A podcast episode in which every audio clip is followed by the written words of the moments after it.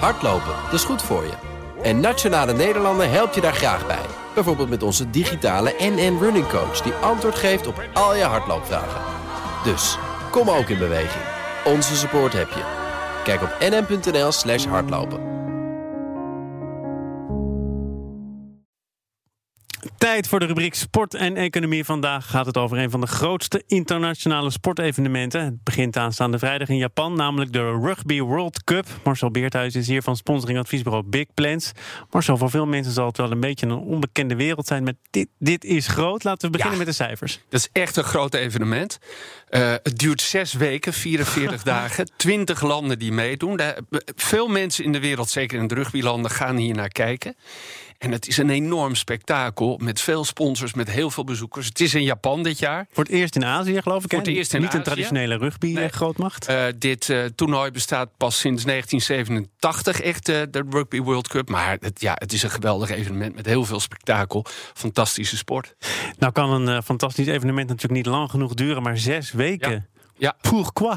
Ja, omdat het zo fysiek is. En, en er vaak, heel vaak blessures zijn in wedstrijden. En ze ook de teams de kans willen geven om zo, zo goed mogelijk aan de start te verschijnen. Ook bij eh, andere wedstrijden. Dus er zit gewoon veel meer hersteltijd tussen alle verschillende wedstrijden. Daar heeft het mee te maken. En uh, nou ken ik wel die Six Nations, hè, die het over het algemeen eh, met elkaar gaan uitmaken. Maar wie zijn op dit moment de favorieten voor de titel?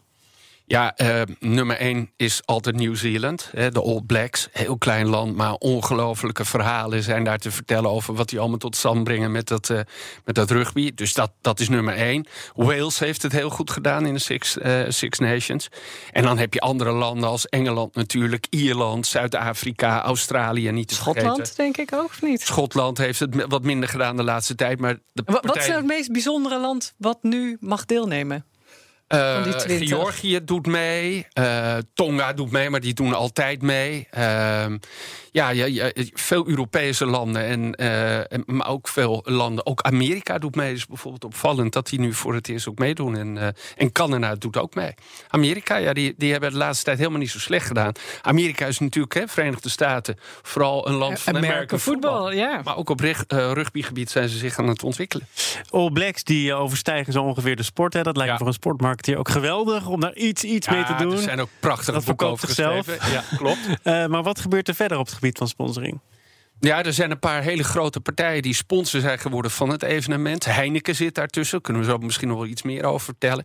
Maar ook uh, DHL bijvoorbeeld staat daartussen. Société uh, Générale en Mastercard, allemaal grote bedrijven. En dan heb je natuurlijk nog de sponsors van de landen zelf.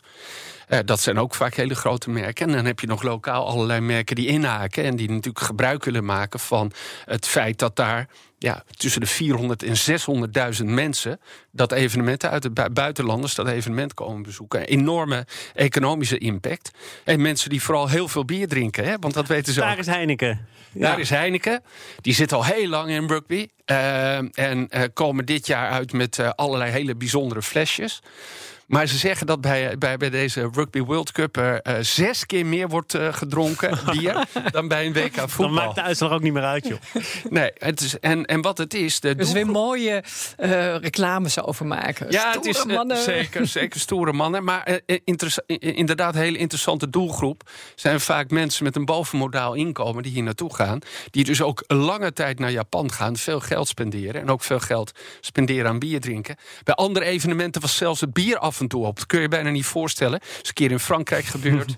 Uh, maar nu ja, zijn dat ze het in Frankrijk gebeurt, dat vind ik wel toch te verwachten. In Japan zijn ze er klaar voor. Ja, die... nou, nou, is Heineken een, een, Nederlands bedrijf. Ik wist dat het evenement eraan zat te komen, omdat ik zo af en toe nog wel eens op een internationale sportsite kijk. Maar het wil aan Nederland toch niet echt lukken. Nee, eh, toch is het wel leuk hè, dat als je kijkt op jeugdniveau... is, is rugby echt aan het groeien. Hè? Het, is, het is natuurlijk een prachtige sport. Niet alleen jongens trouwens. Maar nee, we hebben grote Olympische ambities ooit gehad met, uh, met vrouwen. Ja, Klopt, wij met de Sevens. Hè, Maar die hebben het toen uh, in Rio net niet gehaald.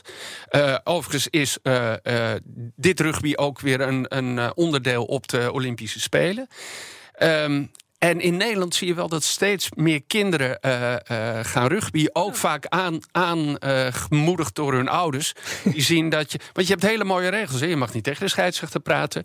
Vooraf en na afloop van de Stukje wedstrijd. opvoeding. Ja, Ja, dat is maar je echt hebt speciale rugbyscholen. Want toevallig is een zoontje van een vriendin van mij. Die is nu net eh, begonnen. eh, afgelopen maand, eh, of deze maand, in september beginnen de scholen. Op zo'n rugbyschool. Ja, het is, dat, dat, dat zie je overal opduiken. Het is natuurlijk een stoere sport. Het is hard. Het is fysiek hard. maar je moet zo- jezelf... Zo'n zo'n jochie van 12. Dat je denkt, god, het is best wel sneu. Ja, maar je moet jezelf ook kunnen, kunnen beheersen. Ze mogen op die leeftijd nog niet al te hard tackelen. Hè, want het is best wel gevaarlijk voor je hoofd bijvoorbeeld. Dus daar zijn er wel aangepaste spelregels. Maar het is eh, een sport die eh, aan het groeien is. Als je het wil kijken in Nederland, moet je naar Ziggo Sport kijken. Want die zenden wel alles uit. En nog heel kort, je hebt Ja. net genoemd, het is Olympisch. Is dit Ja. voor Japan ook een generale repetitie? Ja, zeker. Want dit is echt het grootste evenement dat ze organiseren voordat de Olympische Spelen eh, beginnen volgend jaar op 24 juli. Eh, heel veel mensen eh, in heel veel steden. Het, eh, De Olympische Spelen is natuurlijk meer rond Tokio. Maar ja, dit, iedereen kijkt nu mee. Jij kent gewoon die datum al uit je hoofd. 24 juli Ja, 2020, aftellen. Tokio 2020. Marcel Beerthuizen, tot volgende week. Tot dan. Business Booster. Hey ondernemer, KPN heeft nu Business Boosters. Deals die jouw bedrijf echt vooruit helpen. Zoals nu, zakelijk tv en internet, inclusief narrowcasting... de eerste 9 maanden voor maar 30 euro per maand. Beleef het EK samen met je klanten in de hoogste kwaliteit. Kijk op kpn.com slash businessbooster. Business Booster.